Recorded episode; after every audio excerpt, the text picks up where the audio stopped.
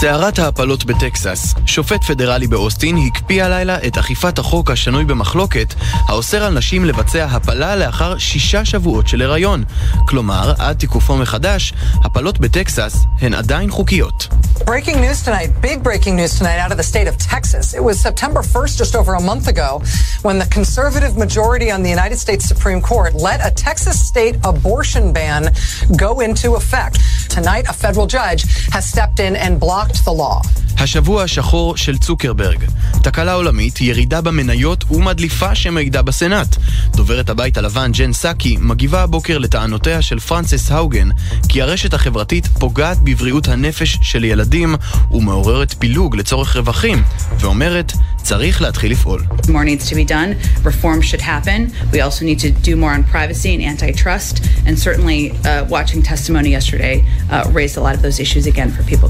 תם עידן אפס ההדבקה. גם בניו זילנד משנים כיוון במדיניות הקורונה. ראש הממשלה ארדרן הודתה, מדיניות הסגרים המהירים כבר לא עובדת מול זן הדלתא. It's clear that long periods of heavy restrictions has not got us to zero cases. So we can begin to change the way we do things. We have more options, and there's good cause for us to feel optimistic about the future. But we cannot rush. וגם יום הולדת 69 לנשיא רוסיה, ולדימיר פוטין. כך זה נשמע בעת השבעתו לראשונה אי שם בשנת 2000. Клянусь при осуществлении полномочий президента Российской Федерации уважать и охранять права и свободы человека и гражданина. הייתי מאחל לו שנים רבות של עשייה, אבל נראה שזה כבר יגיע מעצמו. וגם האם החיסון שאושר נגד מלאריה ינצח את המחלה באפריקה? מה הבעיה במונופול של פייסבוק? ולמה כל התרבות המערבית אוהבת את העניים של קוריאה? מעט מאוד זמן, הרבה להספיק, בואו נמריא. מסביב לעולם ב-15 דקות, יומן החוץ של גלי צה"ל מביא לכם את כל מה שקורה בתבל. בזמן שבשאר העולם מודאגים מזמינות החיסונים נגד קורונה, ובישראל, להתחסן או לא להתחסן, זו השאלה, באפריקה, מגפה תמידית וקטלנית אפילו יותר, גובה את חייהם של מאות אלפים מדי שנה. מדובר במלאריה, וביום רביעי אושר לה בפעם הראשונה חיסון. אבל, האם זה מה שימגר אותה? לא בטוח, הנתונים לא חד משמעיים. שלום לכתבתנו מיכל גלנץ. שלום טל, אז כן, ארגון הבריאות העולמי אישר אמש בצעד היסטורי את החיסון הראשון נגד מלאריה. זה קורה אחרי יותר ממאה שנה של ניסיונות למצוא חיסון, ולאחר 30 שנות פיתוח לחיסון שאושר, ועם כל השמחה שמלווה את המהלך התקדימי, צריך לומר זה לא חיסון מושלם, ואולי אפילו רחוק מכך. מלאריה הורגת כחצי מיליון בני אדם כל שנה, כמחצית מהם ילדים אפריקנים מתחת לגיל 5, ויעילות החיסון במניעת מחלה קשה עומדת על 30 אחוזים בלבד, ובכל זאת יושב ראש ארגון הבריאות העולמי טוען שמדובר בפריצת דרך של ממש. This long-awaited malaria vaccine is a breakthrough for science, child health and malaria control. Using this vaccine in addition to existing tools to prevent malaria could save tens of thousands of young lives each year. החיסון המיוחל הזה הוא פריצת דרך מדעית, השימוש בו יציל את חייהם של עשרות אלפי ילדים כל שנה, הוא אומר. צריך להסביר, זה אינו רק החיסון הראשון נגד מלאריה, אלא החיסון הראשון שפותח נגד מחלות טפיליות בכלל. מחלות הנחשבות למורכבות הרבה יותר מהמחלות הנגיפיות והחיידקיות, מה גם שהיתוש המעביר את טפיל המלאריה יכול לפגוע באותו אדם פעמים רבות, כך שגם אם למחלה אין השלכות קטלניות, הפגיעה החוזרת במערכת החיסונית מותירה את הגוף חלש יותר ועם קושי משמעותי. משמעותי להתמודד עם מחלות אחרות. והאם בכלל יש אופק לחיסון קצת מוצלח יותר? אם אפשר לומר, מאחר שבאוניברסיטת אוקספורד בבריטניה עמלים בשנה האחרונה על חיסון נוסף, שיעילותו נאמדת בכ-77%, אבל הוא נמצא עדיין בשלבי פיתוח התחלתיים. תודה רבה מיכל. תודה טל. עוברים אל השבוע הקשה שעבר על חברת פייסבוק. נפילת מניות, תקלה עולמית, מדליפה שלא מפסיקה להאשים בראיונות בלעדיים ובסנאט, ובכלל נדמה שמרק צוקרברג מתקשה להדוף את הצרות שנופלות עליו. אולי ככה זה כשאתה מחזיק באימפריה הכי גדולה בעולם. אולם עכשיו כשהבינו סוף כל סוף בכל העולם את גודל המפלצת, האם אנחנו בדרך להגבלות על פייסבוק? שלום לכתבתנו הילי קרן. כן, שלום טל. אז ייתכן כי פנינו בהחלט לשם. הלילה דוברת הבית הלבן ג'ן סאקי תקפה במסיבת עיתונאים את פייסבוק לנוכח העדות של האוגן.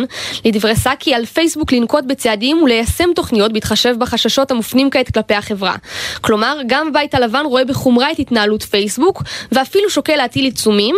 בשורה שאולי טלטלה את צוקרברג, שנאלץ בעיקר להדוף את ההאשמות השבוע. נראה לי שעבר עליו שבוע לא פשוט בכלל. כן, נכון. נזכיר שבתחילת השבוע פייסבוק וכל הרשתות שמפותחות על ידיה, וואטסאפ ואינסטגרם פשוט קרסו והפסיקו לפעול למשך למעלה משש שעות, והשאירו את המשתמשים הנאמנים מול יישומונים שפשוט לא עובדים. וכמובן שיש לכך השלכות כלכליות, מלבד לעובדה שמנייתה של החברה צנחה ביותר מחמישה אחוזים, צוקרברג עצמו איבד יותר מ-19 מיליארד דולרים, וממדי הנזק טל עוד נאמדים. כל זה אילי קורה כשהקריאות להגבלת פייסבוק רק התגברו השבוע. אבל אם חשבנו שצוקרברג ממש אה, לא מעוניין בהגבלות, הגבלות, פייסבוק בעצמם קוראים לגזר הדין הזה עכשיו. כן, טל, בתגובה פייסבוק שאומנם דחתה את ההאשמות של האוגן, הם סיכמו במוצהר, אנחנו מסכימים על דבר אחד, הגיע הזמן להתחיל ולגבש חוקים לאינטרנט. עברו 25 שנה מאז שחוקי האינטרנט עודכנו, הגיע הזמן שהקונגרס יפעל בנושא. הסנטורים, צריך לומר, קצת חסרי אונים מול האתגר, הם העלו כל מיני הצעות ופתרונות לבעיות המוצעות. למשל, אחד הציג הצעת חוק לפיה יוקם גוף שיפקח על אלגוריתמים ברשתות החברתיות, במטרה להפוך אותן לפחות ממכרות או פחות מעודדות שנאה והתמכרויות. כן, אילי, אם זה יקרה, אנחנו אולי יום אחד נוכל לספר לילדים שלנו שפעם האינטרנט היה שוק פרוץ. תודה רבה לך. תודה, טל. BTS, פרזיטים וגם משחק הדיונון שכובש עכשיו את העולם ואף מועמד לאמי, כולם להיטים מבית היוצר של קוריאה הדרומית. הם כולם סיפורי הצלחה שכבשו את העולם המערבי בעיקר בגלל הצבעוניות והיצירתיות. אבל מאחורי התמונות הצבעוניות והמוזיקה השמחה, זועקים פערי המעמדות הקיצוניים במדינת האי.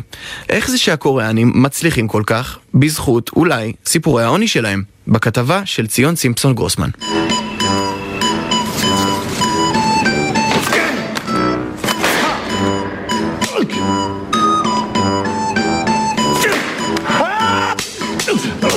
מזהים את הצלילים הללו מצעדיו הראשונים של סונג גי הון אל תוך משחק הדיונון, אתם חלק מהמיליונים שצפו בסדרה הקוריאנית של נטפליקס במאות אזרחים במצוקה כלכלית משתתפים במשחקי ילדים רצחניים כדי להרוויח מיליוני דולרים ולצאת ממעגל העוני.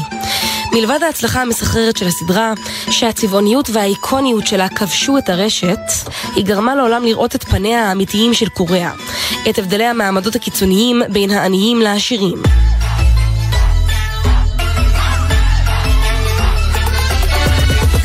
לפני ש-BTS הפכו ללהקת הבנים הקוריאנית הגדולה בעולם, הם הוציאו את השיר הזה, בפסיי, כפית הכסף, בה הם מייצגים צעירים כמוהם בגילאי ה-20 מהמעמדות הנמוכים, שמתקשים להשתלב בשוק העבודה או להשתכן.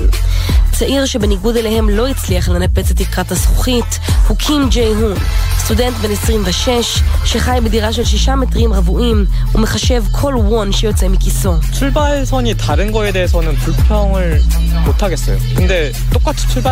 אני לא יכול לכעוס על זה שאנחנו מתחילים עם מעמדות שונים, אבל אני כועס כשמסייעים להם להתקדם ולא לי.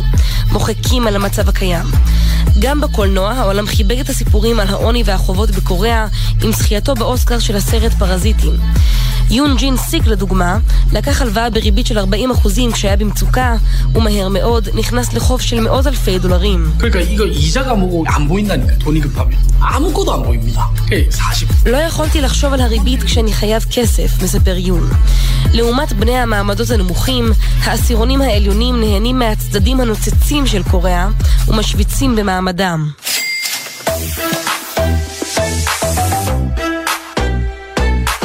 아주 부유한 집안에서 태어나가지고 어, 아무것도 안 해도 떵떵거리면서 אנשים כועסים על המעמדות הגבוהים ומכנים אותם כפיות זהב.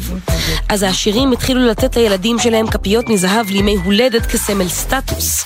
מסביר הצורף צ'וי סונג יו, שמוכר כפיות מזהב לעשירים שמדגישים כך את עליונותם.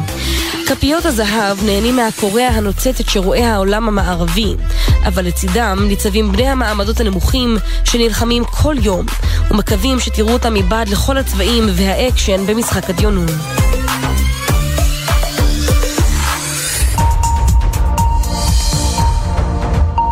וכמו בכל שבוע, אנחנו מסיימים את המסע שלנו עם אנקדוטה מוזיקלית. והשבוע, שבוע הנובל. ראינו איך מדען אחר חוקר מקבלים הכרה עולמית על הגילויים המרעישים ותרומתם למחקר. היום אנחנו ממתינים לראות מי יזכה בפרס הנובל לספרות, אבל מחר, הפרס המיוחד, זה שרבים מזוכיו בכלל לא השיגו את מה שהוא מבטיח. פרס נובל לשלום. Two, one, two, three, four.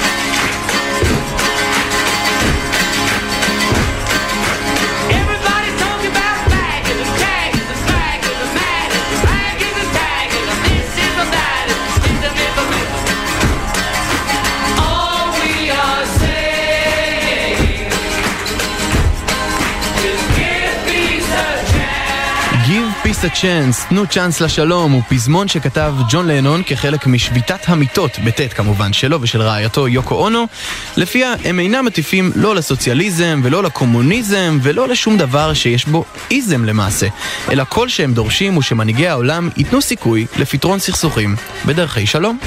וזה הזמן להגיד גם שלום, שלום לכם ותודה רבה לצוות שלנו, לעורכת מיכל גלנץ, לכתבות המעולות שלנו, רומי פרידמן, ציון סימפסון גרוסמן, הילי קרן, עומר עזרן גל אשד, הטכנאי הוא יאלי הראל. אני הייתי טל שנהב, ואנחנו ניפגש באותו הזמן, אבל במקום אחר, בשבוע הבא.